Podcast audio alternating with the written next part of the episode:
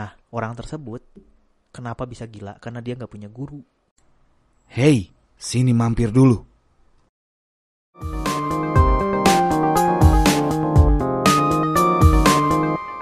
Saya kedatangan tamu yang sempat mampir ke sini nih hari ini. YouTuber 5000 subscriber. Ian Sunda, apa kabar nih Kang? Hey, alhamdulillah, Pangestu sehat, Aduh, Iya. seger hari ini Kang Agung. Seger ya? Seger. Walaupun udah malam-malam jam 10. Harus tetap seger. Hmm, seger ya. nah, gila nih. Subscriber naik terus. Alhamdulillah. Yang continue nih, continue uh, maksudnya konsisten ngupload Konsisten terus ya. satu minggu dua minimal dua konten gitu. Gitu aja sih. Jadi we naiknya cepat. Cepet ya, bisa sampai 5000 tuh cepet.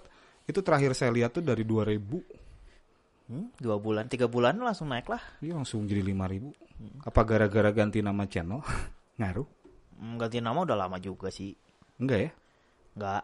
Cuman ya konsisten upload aja itu aja sih. Oh, Walaupun yang nonton dikit ya nggak apa-apa upload, terus aja. Upload terus aja, hajar terus ya. Subscribe-nya nambah, Heeh, viewernya viewernya nambah. nggak nambah, subscriber yang nambah. Subscriber yang nambah. Berarti algoritmanya mungkin direkomendasikan kepada bukan subscriber gitu. subscriber mah nggak tahu lah nonton atau enggak. It- Itu nama siapa sebenarnya? yang mana? Maulana Malik Ibrahim tuh nama siapa sih? Ya nama Wali itu, Wali Songo. Nama Wali. Kenapa Iya, namain Sunan. nama channel nama Wali? Da, ada juga di nama saya Kang Agung nama itu. Nama Kang Agung taunya nama saya siapa? Ian Septian. Iya kan? Hmm. Tapi itu nama saya juga. Maksudnya gimana nih? Itu nama saya waktu saya diazanin waktu dilahirin, Hah? dulu diazanin. Hah? Lalu tujuh hariannya itu nama saya itu ada di- nama itu Maulana Malik Ibrahim ada di nama saya. Ah, jadi sebenarnya nama aslinya tuh Maulana Malik Ibrahim maksudnya gitu. Bukan nama saya asli, asli ini Hmm. Diberikan oleh kedua orang tua nih dari kecil. Septian Maulana Malik Ibrahim. Oh. Itu nama aslinya. Hmm. Cuman kenapa jadi Ian Septian Maulana? Ini kejadiannya kelas 6 SD nih. Kelas 8 SD. Kelas 6 SD. Dulu waktu TK, nama saya masih Septian Maulana Malik Ibrahim. Wow. Jadi di ijazah TK itu Septian Maulana Malik Ibrahim. Di rapot SD kelas 1 itu rapot yang merah tuh kan. Hmm. Ya tulisannya Tuturi Handayani. Iya. itu kan di namanya ada sama Septian Maulana Malik Ibrahim. Empat suku kata. Nah kelas 6 SD ini Kang Agung. Hmm. Sampai kelas 6 SD itu nama saya dipanggil masih Septian. Tapi nama di rumah Ian dipanggilnya gitu. Oh jadi nama Ian tuh sebenarnya nama panggilan Nama ya? panggilan. Oh, Septian di Ian Ian Nah, gitu. Septian di Ian Ian. Dikasih kasih ya saya nggak kasih. Makanya dikasihnya Ian. Mungkin orang tua juga sadar. Nggak. Waktu kelas 6 SD, nah, itu kan guru kelas 6. Saya masih ingat nama gurunya Bapak Alwi. Semoga sehat terus. Gak tahu udah pensiun atau belum sih. Tapi guru saya itu. Oh. Saya doakan semoga Pak Alwi sehat terus. Keren. Masih ada. Ngomong-ngomong soal guru nih, sekarang jadi guru ya? Iya. Udah berapa tahun tuh? Ya, 6 lah ada lah. 6 tahun. Jadi guru. Guru hobi. Guru hobi. Jadi guru itu hobi bagi saya sih Kang Agung. hobi ya?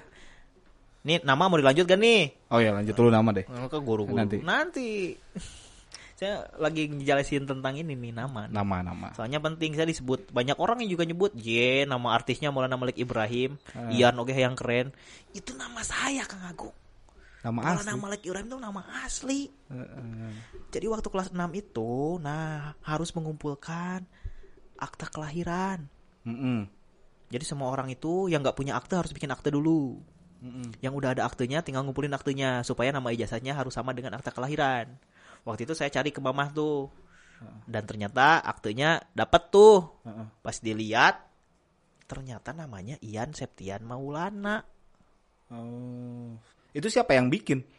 Nah setelah ditelusuri ternyata kayaknya yang bikin itu agen asuransi kayaknya karena dulu waktu kecil saya diasuransikan asuransi pendidikan Iya. dan syaratnya harus, ada akte kelahiran Heeh. dan dulu waktu saya lahir nggak nggak dibikinin langsung akte gitu dulu kan orang-orang dulu maksudnya nggak begitu ini ke administrasi kan Iya.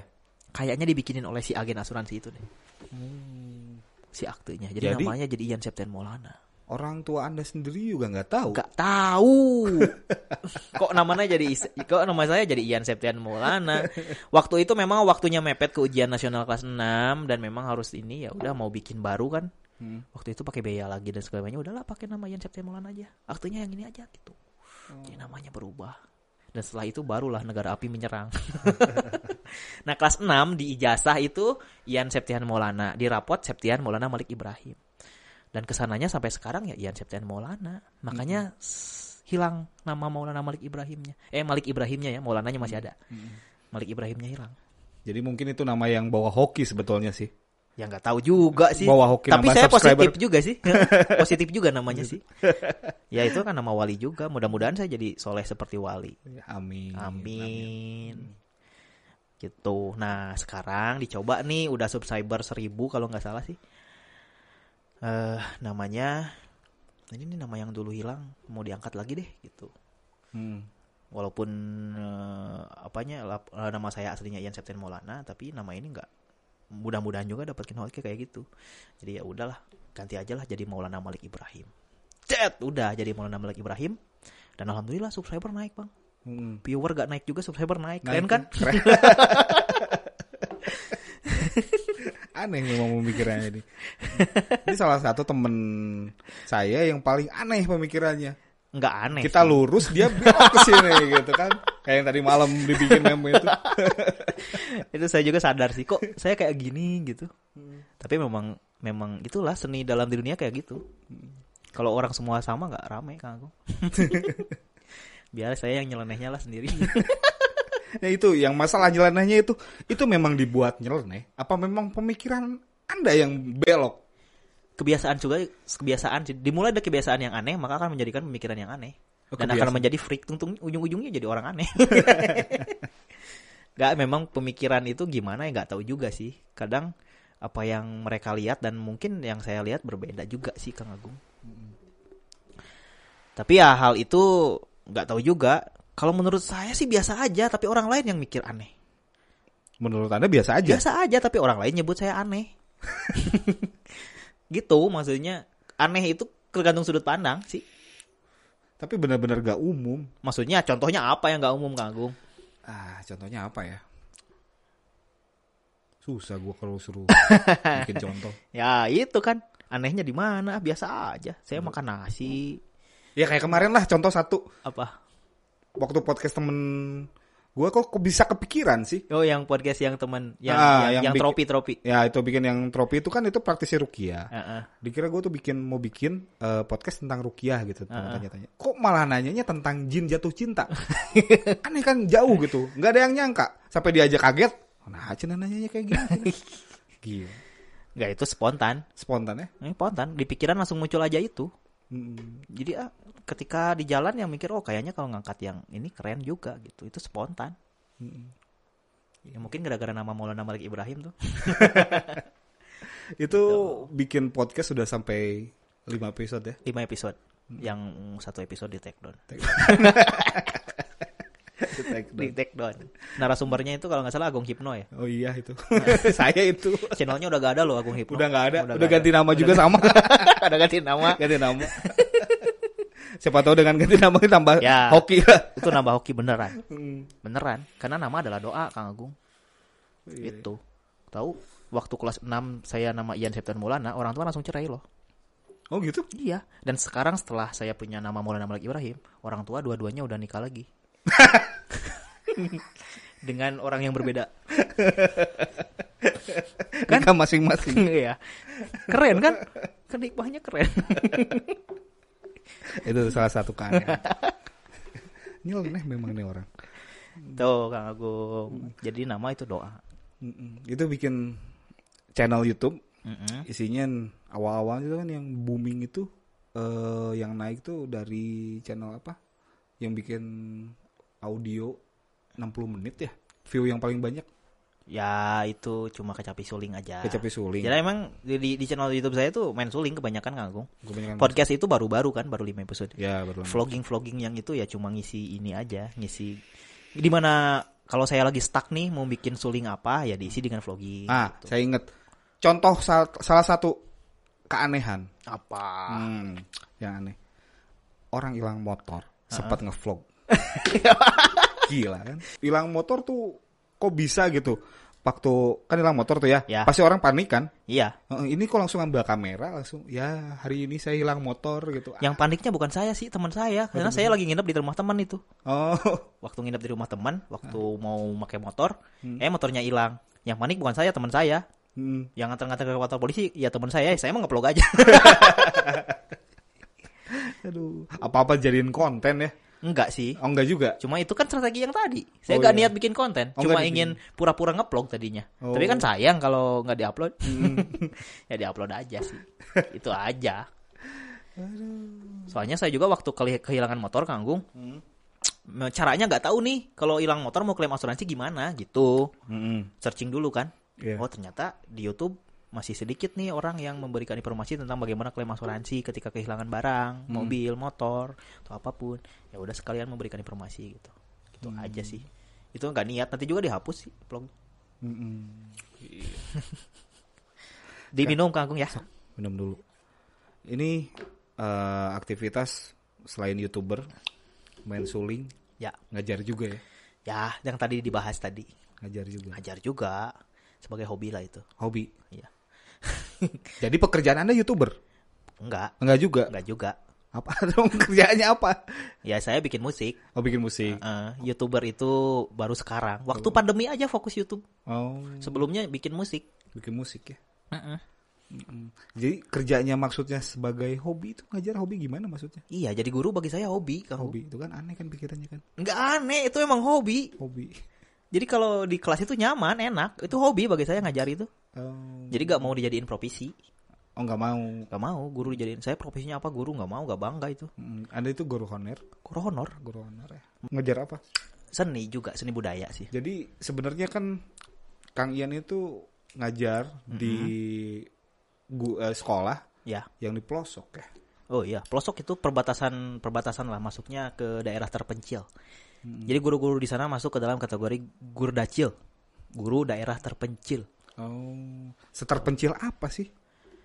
Ya, anggap aja satu tempat yang tidak mempunyai sinyal 4G gitu aja lah. Dan 3G. Oh, Cuma sinyal 8G pun susah oh susah sinyal juga ya. dulu. Dulu Kalau dua tahun terakhir ada satu provider yang membuat tower sekarang sudah bagus. mm, itu kan dari rumah tuh jaraknya hampir berapa jam sih? 4 jam, 5 jam? Tiga jam lah pakai sepeda motor. 3 jam ya. Pakai mobil ya lima jaman. Bisa tapi pakai mobil masuk sana ya. Bisa masuk. Cuman jalan akses jalannya aja jelek. Akses jalannya jelek. Mm-mm. Anggaplah jalannya batu-batu gede tuh, Mm-mm. yang masih batu-batu. Mm. Atau jalan yang dulunya beraspal sekarang cuma sisanya aja. Eh, Kayak sungai kalau lagi kering, oh gitu. jalannya kayak gitu. Cuman menyenangkan sih kalau dinikmati. Walaupun kadang kalau lagi ini nggak nggak dinikmati, nggak- bukan nggak dinikmati lah.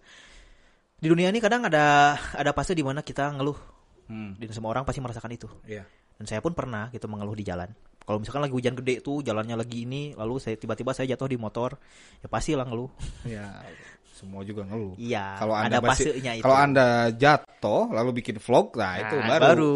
aneh itu, aneh-aneh freak lah. Saya pernah bikin vlog tuh di channel yang perjalanan saya dari rumah ke sekolah. Bikin Oh pernah? pakai motor ada. Oh belum ditonton sih. Ya, nanti aku tonton itu. Gak rame sih, lama. Cuma gitu doang. Makanya gak ada yang nonton. gak menarik juga mungkin. Nah itu di daerah terpencil. Ya. Sekarang sinyal udah bagus. Sinyal udah bagus, satu provider udah bagus. Oh, salah satu providernya Ah, udah bagus. ya. Dulu mah memang semua provider gak ada yang bagus. Jadi, Berarti kalau sekarang kan sistem online, mm-mm. eh, em, belajar online. Nah, itu gimana kalau di sana sekarang kondisinya? Nah itu jadi nggak bisa online. Banyak or- anak-anak yang di kampungnya itu memang susah sinyal, Kang Agung. Susah sinyal. Jadi kalau mau daring ya daring gimana? Gak bisa. Makanya solusinya di sekolah di sana, di situ dibuat kelompok per kampung. Kelompok per kampung. Iya, misalkan satu kampung ini nah, ada berapa siswa yang di sana Mm-mm. dikelumpulkan dalam satu tempat. Mm-mm. Lalu gurunya yang datang ke sana. Oh, gurunya datang ke sana. Eh, soalnya daring daring nggak bisa. Dan itu sempat juga kemarin di stop karena ke wilayah kita Sukabumi masuk zona oranye juga kan. Iya. Di stop juga dan harus daring dan daring nggak bisa juga. Makanya kemarin satu bulan nggak belajar tuh anak-anak saya. Padahal di kampung itu nggak ada eh, aman maksudnya.